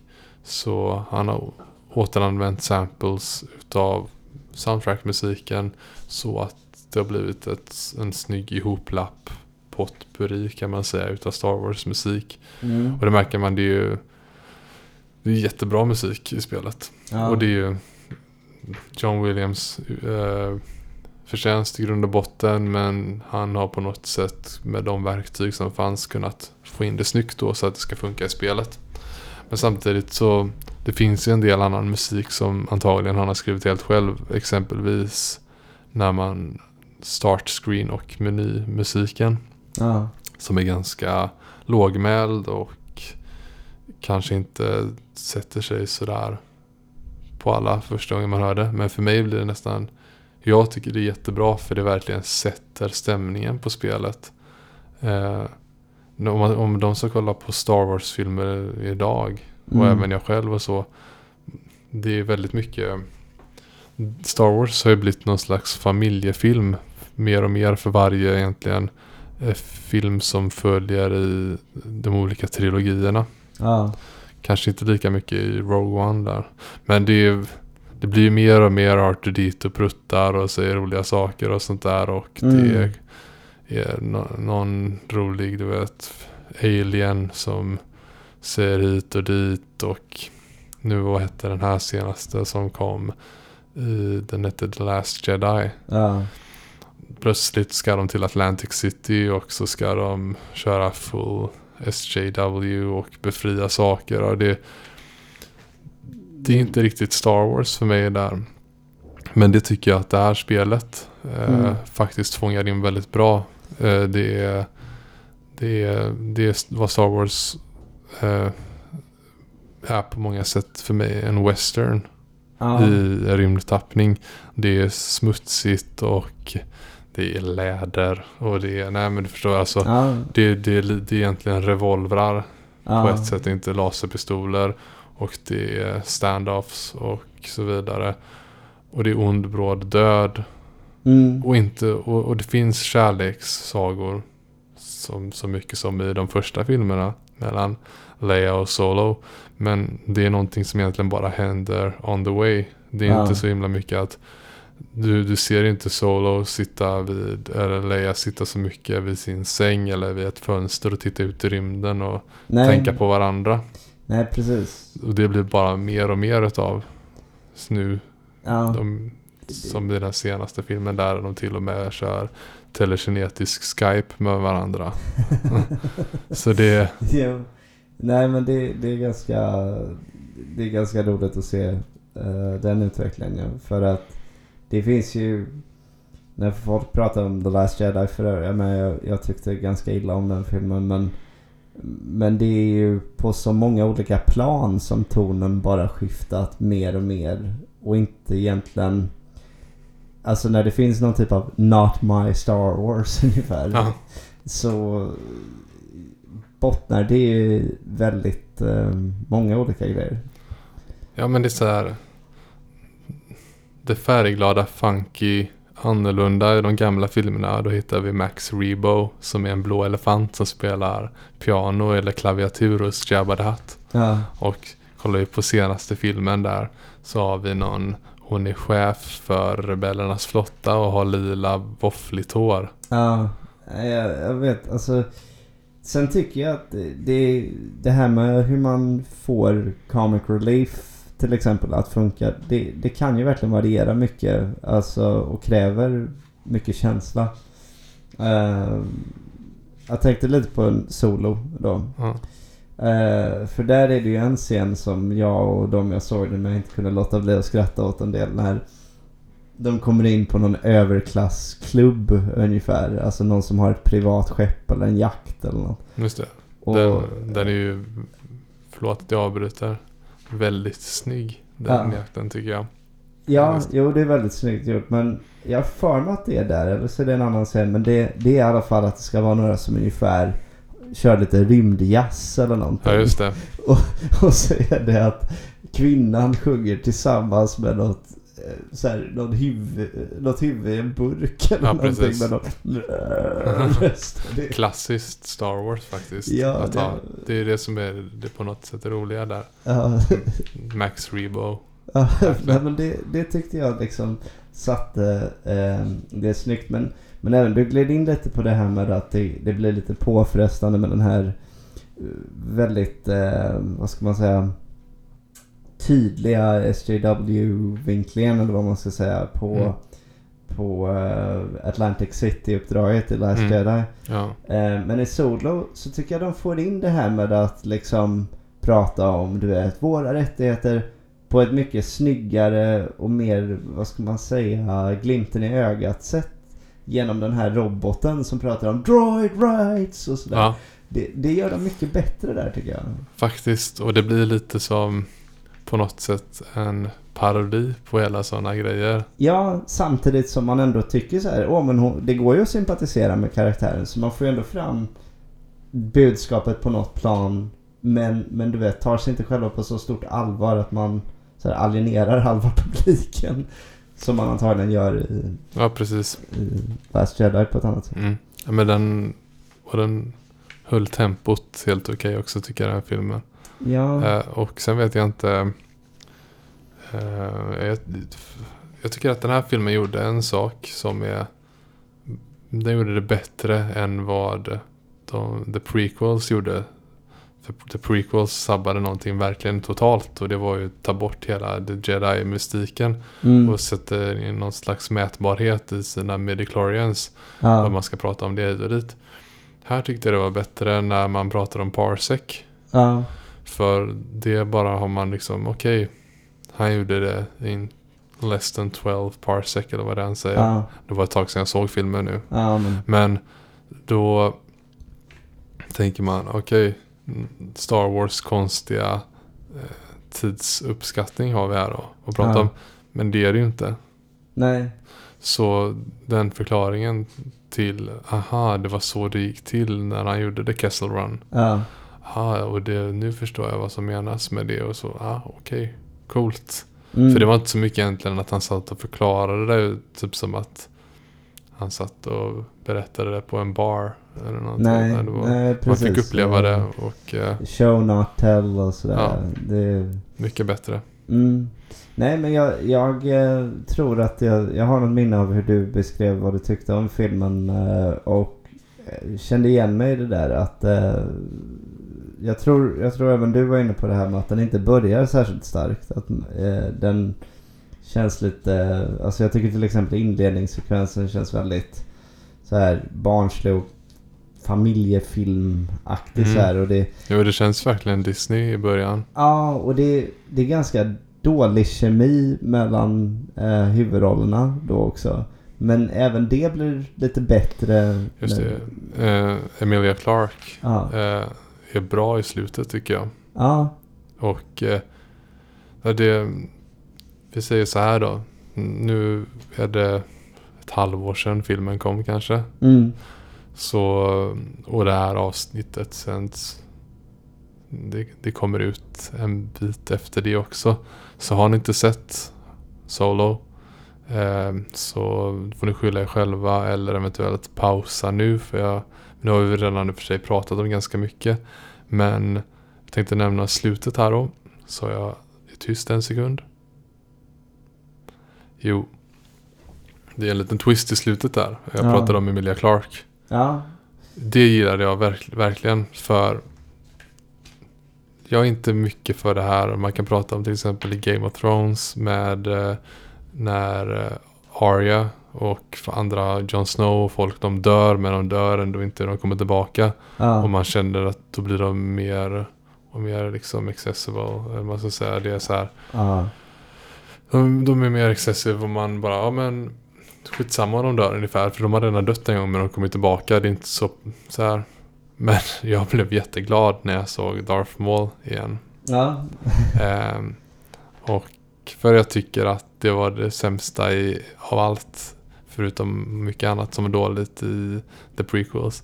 Att de dödar den absolut coolaste skurken de har kommit på i. Star Wars-universumet. Och de brukar ju säga det att de var tvungna att döda Darth Maul eftersom eh, han tog för mycket uppmärksamhet i, från handelskonflikten. Annars. Men, men eh, Nej men det var coolt och då, då kände jag fan nu vill jag se mer utav Emilia Clarks eh, eh, hennes story. Mm. Nu, det, det har ju varit mycket fram och tillbaka om det ens ska bli fler eh, Star Wars stories. Mm. För att, just för att Solo gick så dålig. mm, Rent försäljningsmässigt. Men det är inte konstigt när de släpper den ett halvår efter eh, senaste Star Wars-filmen. Hade de släppt Solo nu till jul Ja. tror jag det hade gått mycket bättre. Jo, men jag kan också tänka mig det. Eh, Folk tänker säkert att ja, men det här blir lite som någon sorts urvattnad eh, sidogrej till den riktiga eh, filmen liksom. Vi vill se nästa episod istället. Mm. Jag tyckte ju att ehm, det var ja, snyggt hur de hanterade karaktärerna där också. Att eh, filmen växte efterhand liksom. Jag, jag var väldigt skeptisk till en början men, men när den väl var slut så kände jag att nej men jag tyckte ändå ganska bra om den. Faktiskt, jag hade inte höga förväntningar och innan jag gick in i salongen så träffade jag en polare och eh, hans polare de skulle gå och se en annan film. Och då sa jag att jag ska gå och kolla på Solo. Ja, ah, vi såg den förra veckan. Och så, så sa jag typ okej så. Och de, mm, ja men. Ha så kul ungefär. Eh, Ja, ja men, det var väl, jag hade också hört lite blandat så jag hade väl inte jättehöga förväntningar och det hjälper ju ofta. ja, Ehm, där ska ju sägas att eh, det var ju blandade åsikter kring The Force Awakens. Jag har för mig att du inte var så förtjust. Jag var ändå ganska... Jag gillade den ganska mycket för att även om den återanvände jättemycket från Episod 4 och, och så. ja, men det är väl det. The rehash var mitt stora problem egentligen tror jag. Ja, eh, men den gör verkligen det. Men samtidigt så kunde jag känna att jag, jag, jag låter den komma undan med det för den liksom serverar för en ny trilogi och ger oss mer Star Wars i framtiden. Och om de bygger vidare på det här kan det bli väldigt kul. Så den, den får komma undan med det. Men när The Last Jedi kom då jag tänkte åh nu, nu har, är det smashläge liksom. Det här kan bli nästa du vet, Empire Strikes Back. Och så var det verkligen raka motsatsen. Då, då blev det ju istället det här med när förväntningarna eh, går om intet. Ja. Nej, det är... Ja, vad ska man säga? Jag, jag, jag kommer att tänka på, eh, jo. I och med att det blev som det blev med den här filmen, att det inte blev en kassako. Mm. Så då drog de ju tillbaka där med att de skulle göra fler och fler Star Wars stories. Vilket är jättetråkigt i och med att det var snack om både Boba Fett och Obi-Wan Kenobi. Ja. Och det är två superintressanta figurer tycker jag. Ja. Det ska väl tilläggas, nu har ni märkt det när vi pratar, att båda vi två har ett intresse utav Star Wars. Ja. Eh, kanske inte så enormt som riktiga sådana som faktiskt kan stoltsera som att de är Star Wars-nerds. Men jag gillar verkligen Extended Universe och allt sånt där. Mm. Eh, men det, jag tycker det är jätte- jättetråkigt att de antagligen inte blir av nu då. Och, men däremot så ska det svänger verkligen. För sen ser jag då att eh, det är bekräftat med regissör och allting då. Och det ska komma, eller har, jag minns inte om jag har sett en teaser eller inte. Ehm, men det kommer en trailer snart tror jag för en film som kommer att heta The Mandalorian. Och det är ju vad Boba Fett är då. Så det är en, en prisjägare i hans stuk. Ja. Som kommer bli en Star Wars story. Så det kommer ju fler ändå. Och in- och inte bara den eh, sista nionde delen. Så jag, jag, jag, tror att det kommer vända tillbaka sen. Folk kommer vilja ha Star Wars hela tiden. Ja, alltså men det var, det var väl många grejer också. Solo hade ju det här med att de bytte regissörer flera gånger. Den fick inte jättebra kritik för folk tyckte kanske att den inte riktigt hittade sin ton eller någonting. Precis. Eller Och att, den, eh, den blev ju dubbelt så dyr att göra också på grund av det. Den blev ju svindyr att göra. ja, precis. Så det var kanske därför den också floppade ännu mer kassamässigt då. Ja. Men det var, ja och sen var det jag läste många som tyckte liksom att eh, det var väldigt svårt att följa i Fords fotspår eh, Mm. i den rollen. Och det är väl också rimligt liksom. Har du sett de deep, deepfakes grejerna som kom sen? När Nej. de har kört in unga Harrison Fords ansikte i Solo-filmen. Nej, nej, nej. Det ser, alltså stundtals ser det väldigt bra ut. Alltså att hans ansikte passar till ehm, kroppen och allting, huvudet och sådär. Ja, Så i framtiden så behöver vi inga fler nya skådisar. Eh, nej. Jag kommer att tänka på förresten, nu är det lite sent att säga det, men det där, när vi pratade om musiken och så. När vi satt och kollade på end credits där så såg jag en, han som var sound designer. Mm. Borde man ju nästan nämnt ännu mer än han som gjorde musiken. Även fast eh, man kan ha han McNeely, all ära till honom där. Men sounddesignen gjordes utav eh, Clint Bajakian som har gjort musik till ganska många spel. Bland annat, eh, oh, vad var det det spelet hette nu då? Eh, out, eh,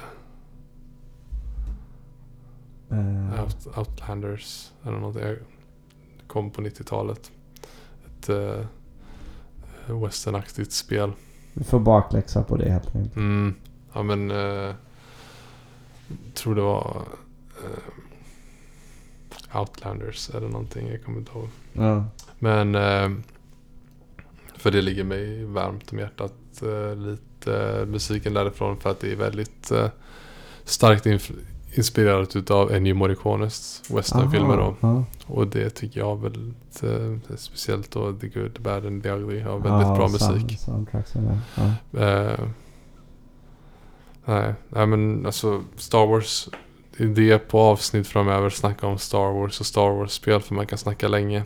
Mm. Eh, Star Wars, eh, det kommer fram, alltså ju mer och mer vi snackar om det, jag sa att vi inte är that big of nerds men nu känner man att det bara växer mer och mer och egentligen jag menar som jag tyckte Episode 1 var jättebra när den kom för att jag var i exakt rätt ålder när den kom. Vi Mm. skulle gå ut mellanstadiet och alla man hängde med, vi lekte Star Wars hela tiden. Eh, det var liksom, man fick till och med sitt eget eh, Star Wars nickname. Så det var Dan Maul. Och eh, istället för Darth Maul då. Och Christian på redaktionen. En annan som skrev för oss.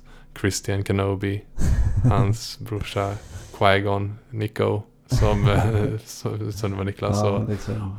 Ozzy Binks och så vidare. Så eh, man verkligen levde sig in i det.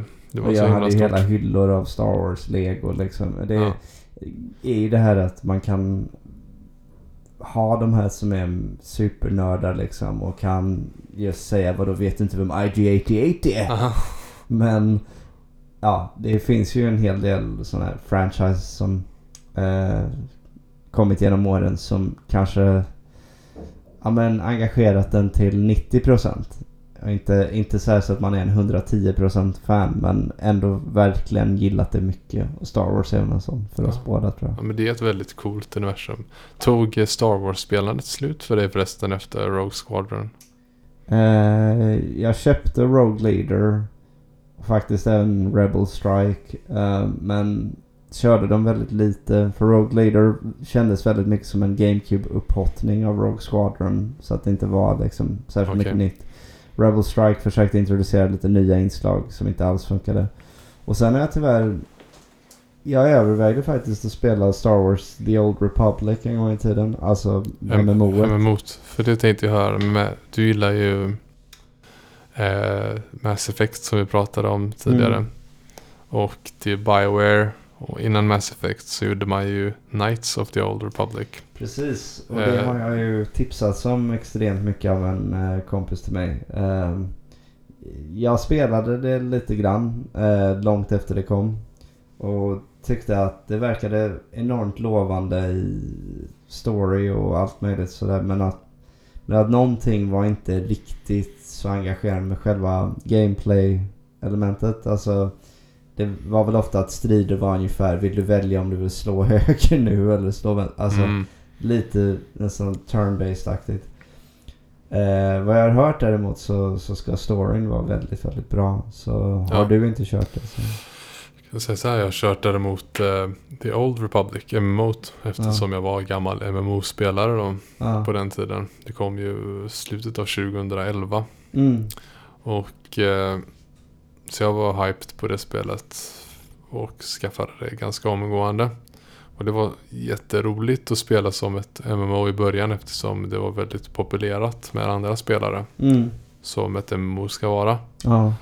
Eh, men så de som jag hade på den tiden alldeles för mycket universitetsstudier. Ja. Så jag fick jag visste på något sätt att jag kommer kunna pressa det här i en månad. Sen får jag lägga ner för sen kommer examenskurser och så vidare. Så, ja. eh, så vad jag fick höra sen när jag ville ändå ta upp det eh, mot sommaren där ett Ja. halvår senare. Då var det ju helt tomt på folk. Och det var ju för att spelet erbjöd inte ett konkret och bra endgame för att vara ett MMO. Alltså det tog slut ganska så här och så var det inte så mycket att göra. Och det var inte spelmekaniskt så funkade det inte som ett MMO. Det kände jag redan när jag körde alltså Dungeons med mindre spelare och sådär. Ja. Det var ett co-op-spel var det. Ja, okej. Ungefär som man co-opar på gamla Diablo och så vidare. Ja. Och därför är det synd att inte spelet släpptes som ett eh, spel man kunde köra single player och multiplayer som typ gamla Diablo och Titan Quest och så vidare. Ja. För det är fantastiskt bra. Det är jätterolig alltså, gameplay-mekanik i det. Jag körde både Jedi och jag körde Empire Agent. Mm. Så ganska två olika typer utav. För jag ville köra både på det, den goda sidan och på dark side. Ja. Så det är ett fantastiskt spel. Jätteroligt att få besöka de här planeterna från filmen också och verkligen eh, känna på planeternas storlek. Mm. För det får man verkligen känna på eftersom man tar sig mellan, mellan, mellan olika ställen eh, med speederbikes och så vidare ofta. Och då Ah, okej. känner man verkligen distanserna. Så, och det som många anser kanske vara det, mm, spelets starkaste sida som är typiskt för Bioware under de åren är ju dialogerna Ja. och stories då. Mm. Och här hade man ju verkligen gått all in på just den delen och det var ju jag vet inte hur många timmar som, alltså arbetstid som har lagts på ren storybuilding.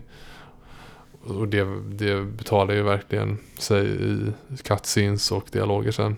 Mm. Både på alltså att bygga bra och djupa stories och eh, seriösa och medryckande men även som till exempel på ett snyggt sätt med comic relief. Ja. Alltså allt ifrån alltså värdiga typer av skämt till lite mer enkla skämt som kanske jag spelade en Female Jedi, en, Ja. en Twi'lek. Så skulle jag hjälpa en eh, fuktfarmare på Tatooine som Ja. hela tiden fick sina instrument uppe på sandytan förstörda utav Tusken Raiders. Ja. Så jag dödade dem och såg till att reparera hans eh, eh, instrument där. Så när jag kommer ner i hans håla där han bor och, ska och han ska tacka mig. Så eh, i och med att han var en male Twi'lek då. Mm. Så skräddarsys då dialogen mellan oss och hela är Så, så det är så, så himla mycket sådana grejer. Så till exempel i och med att jag återställer så att han kan få vatten igen. Så sa han liksom Thank you. I'll think about you every time I'll shower. Ja. And, och min, man såg min fyr bara "Eh, Okej. Ah. Han, bara- han blev såhär oh, wait, wait, wait, wait a minute. Jag, Ah. men, jag menar inte så alltså. eh. Men du förstår. Ja, vatten. ja, Så ja. det blir ungefär som en dålig stämning som i The Office ungefär. Ja, men det, sånt där är liksom... Det, det är ju det där att jag fattar ju hur lång tid sånt där tar men den sortens detaljrikedom gör ju enormt mycket för spel när man börjar gräva djupare. Jag menar, jag hänger väldigt ofta på, för att ta något helt annat, jag hänger ofta på Super Smash Bros forumen på Reddit liksom och då drar de upp hela tiden så bilder på nya designs från Smash då. Mm. Och så visar de så här Yeah, did you see that uh, Ganondorf has Majora's mask on his armor? Eller Mm. sådär. Och sådana här pyttesmå grejer som om du spelar spelet en vanlig match du kommer aldrig se det här. Men de har lagt in det för att om du trycker på paus och zoomar in och tittar jättenära Ja, ja. så ska man se de här grejerna. Men det, det är grymt. Ja. Och jag menar, man kan ha, och det som verkligen gör det som att det funkar som ett, eh, ett eh, co-op eller single player-spel är ju att man får companions med sig. Mm. Så man kan köra allt eftersom storyn utvecklar sig. Som till exempel min första companion som Jedi Knight då var någon slags eh, Lizard Warrior. Jag kan inte vara Nej. det blir lite Star Wars microaggression här. Jag kan inte hans ras och ursprung och så vidare här. Men han, han är verkligen så. Han slåss med någon slags stav. Han kan eh, spetsa och stanna och så vidare med. Sådär. och, han, Mm. och han är vä- väldigt så fåordig och eh, ska man säga? ehm, primitiv Ja. eh, utav sig. Och det är verkligen så här. Okej. Och, s- medan jag, sam, men man kan alterera då vilken typ man vill ha med sig. För att det kommer fler som vill ansluta sig. Så det, jag kommer inte ihåg hur det var nu eftersom det var så länge sedan jag spelade. Men jag tror jag räddar någon slags kapten på något skepp eller någonting. Eller gör ett uppdrag åt dem och så här. Och så blir han förtjust. Och han är liksom Zap Brannigan ifrån eh, i Futur- Futurama. Han är jättesassy och så vidare. Och Ja. Och han raggar hela tiden på min karaktär och hon bara liksom bort, sluta, tyst så här. Men det låter ju som att de i princip bara designade ett jättebra RPG och sen försökte smälla på MMO-stämpeln också. Mm. Men det är alltså så mycket tid som de la ner på det. Och att allting bara gått i stöpet på grund utav att spelet har dött. Eh, Mm. På, grund, på grund av att det som håller liv, liv i spelet är antal spelare. Och det är så tråkigt när det blir så. Det är så... Det är, vi kommer säkert prata om det mer i detalj för det är ett annat ämne. Men den, den här tio årens senaste typer av spel som hela tiden, tiden kräver att dels att utvecklarstudion kanske håller en server igång hela tiden för att spelvärlden ska funka. Och att andra spelare spelar det för att annars kan inte du spela det. Alltså, jag... Tänk dig det med Ocarina of Time. Ja. Typ, om de, de skulle säga så här 2015 så här. Det är ganska länge vi har haft igång det här spelet nu. Och ingen köper 64 längre. Nu får Så vi stänga ner det. Vi måste stänga ner Ocarina of Time-servern. Nej, alltså, men jag kommer inte hitta någon, någon bättre mm, övergång till det här. Så jag kan dra upp en historia om någonting jag tyckte var något av det värsta jag har hört om, om spel nästan. Det var liksom det, det, det värsta exemplet på när folk du vet, som försvarar piratkopiering i alla former hela tiden. Det här var liksom skräckhistorien varför man inte ska göra det tycker jag. Ehm, för det var ett spel som var i samma stil som Dota i grunden. En, en sorts Moba. Som hette Demigod. Just det, jag har det spelet. Ja, d- okej. Mm. Så då kanske du känner till historien rent av. Men eh, det, Ja. det var ju i alla fall så att eh, servrarna eh, för spelet blev otroligt överbelastade första veckan ungefär. För att det var extremt många som laddat ner eh, spelet olagligt då. Så att de hade väl kanske ja, tippat att de skulle kunna sälja som mest, jag vet inte. Vi säger att de trodde mest 150 000 exemplar första helgen. Och sen så var det, du vet, en miljon som ville testa det då. Eller vad det nu kan ha rört sig om. Poängen var att det var extremt överbelastade servrar och allting havererade. Och det här var precis i den veva då alla recensenter skulle ge betyg också. Så det är liksom yeah we think the game mechanics are good. But you know you can't actually play it. 7,4 och så är det ingen som köper det och spelet dör. För att det är ett sånt som bygger på att man ska ha en spelarbas också. Tänk dig vara de spelutvecklarna. Det är liksom... Och det är ett väldigt vackert spel. Nu, det är jag ju det är typ. tio år gammalt eller någonting. Ja, Och det, du kan ju Moba ja. mycket bättre än mig. Men eftersom du spelat den typen av spel väldigt mycket mer. Men Mm. jag har ändå spelat en hel del. Och jag tycker att om man ser till exempel då som Dota som Mm. eh, urkällan. Så är det här ett spel som på något sätt drev hela genren framåt i, en, i alla fall en annan ny riktning. Med nya coola typer av element. Där det inte bara var att man hade fokus på just den karaktären man spelade.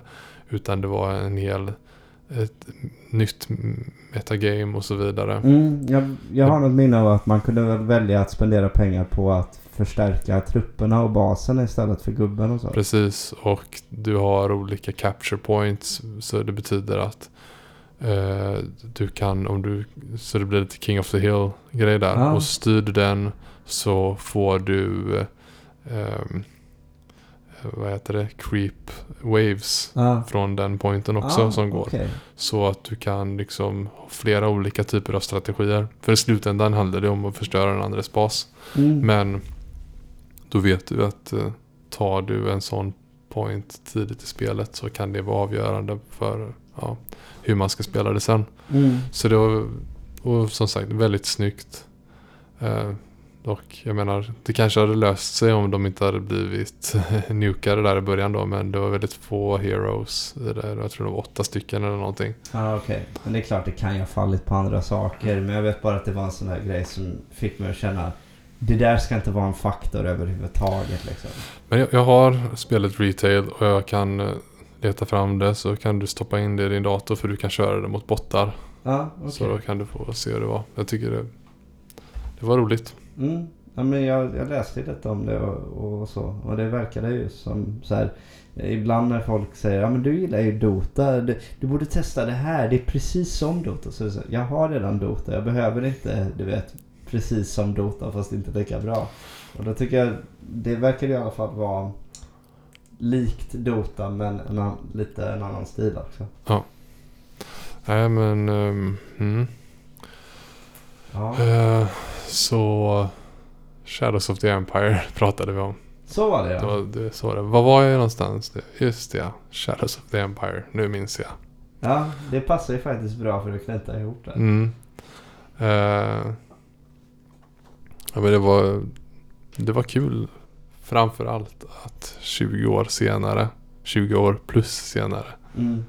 klara spelet. Ja, precis. Mm. eh, ja, men det, det rundar väl av det ganska bra där. Om, om det spelet. Ja. Ja,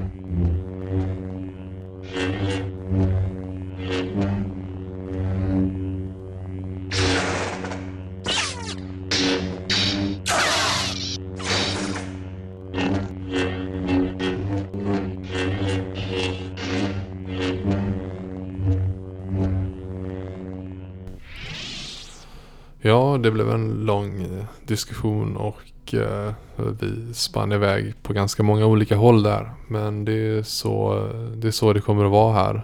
Säkert ännu mer framöver i den här podcasten. Det är lite så vi jobbar.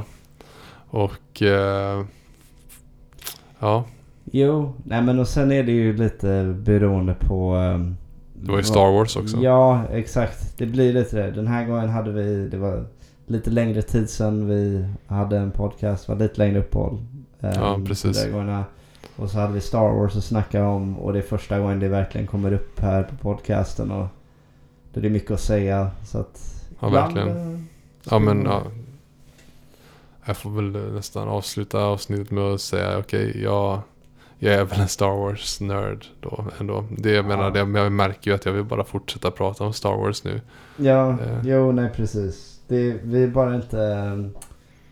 Vi är inte kungar i den hierarkin. Men vi, vi är Nej. nördar tror jag. Vi fronten. vi, vi gillar det, men sen kanske man inte kan så himla mycket om allting. Nej, precis. Jag vet vem eh, Bib Fortuna är i alla fall. Ja. Men jag, ja, jag hade inte vunnit... Så här. Jag hade inte vunnit ett sånt där Star Wars-tema-quiz. Nej men det hoppas jag att vi hamnar på någon gång i alla fall, för då kanske man lär sig ett och annat. Mm. Ja, men nästa gång blir det inte lika mycket Star Wars. Det kan jag lova. Om det är någon som tycker att det är skittrist. Eh, då... Nej, så, det- så mycket som vi kan säga är väl att det, det är uppe i luften i alla fall. Ja. Det är väl ett bra sätt att uttrycka. Mm. Vi Eh. ses eh, nästa gång då helt enkelt. Ja, det gör vi. Ha det Ha- gott. Ha det bra. Ha det bra.